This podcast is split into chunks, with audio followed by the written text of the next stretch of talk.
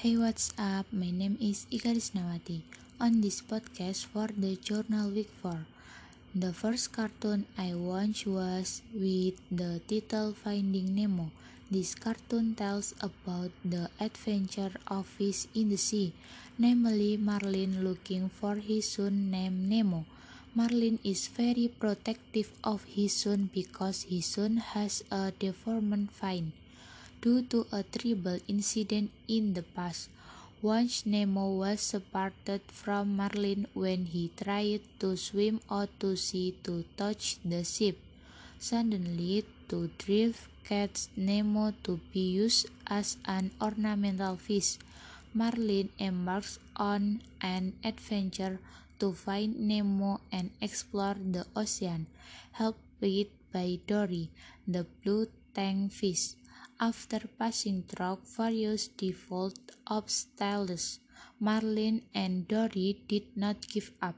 Nemo is trapped in an aquarium with other ornamental fish. Eventually, Nemo escaped from the aquarium by pretending to be dead.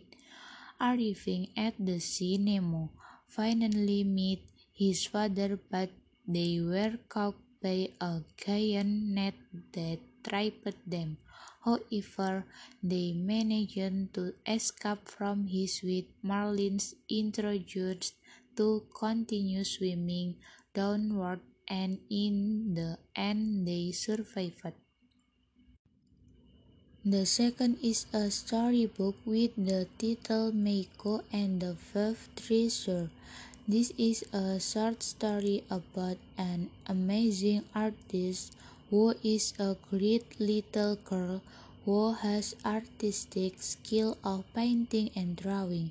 He can make beautiful Japanese calligraphy. However, this little girl experienced fear and trauma due to the bombing of Nagasaki City. However, all that beauty is possessed instantly. He was badly injured in the head from the bombing, so he could no longer paint. The incident traumatized him. She lived with her grandparents.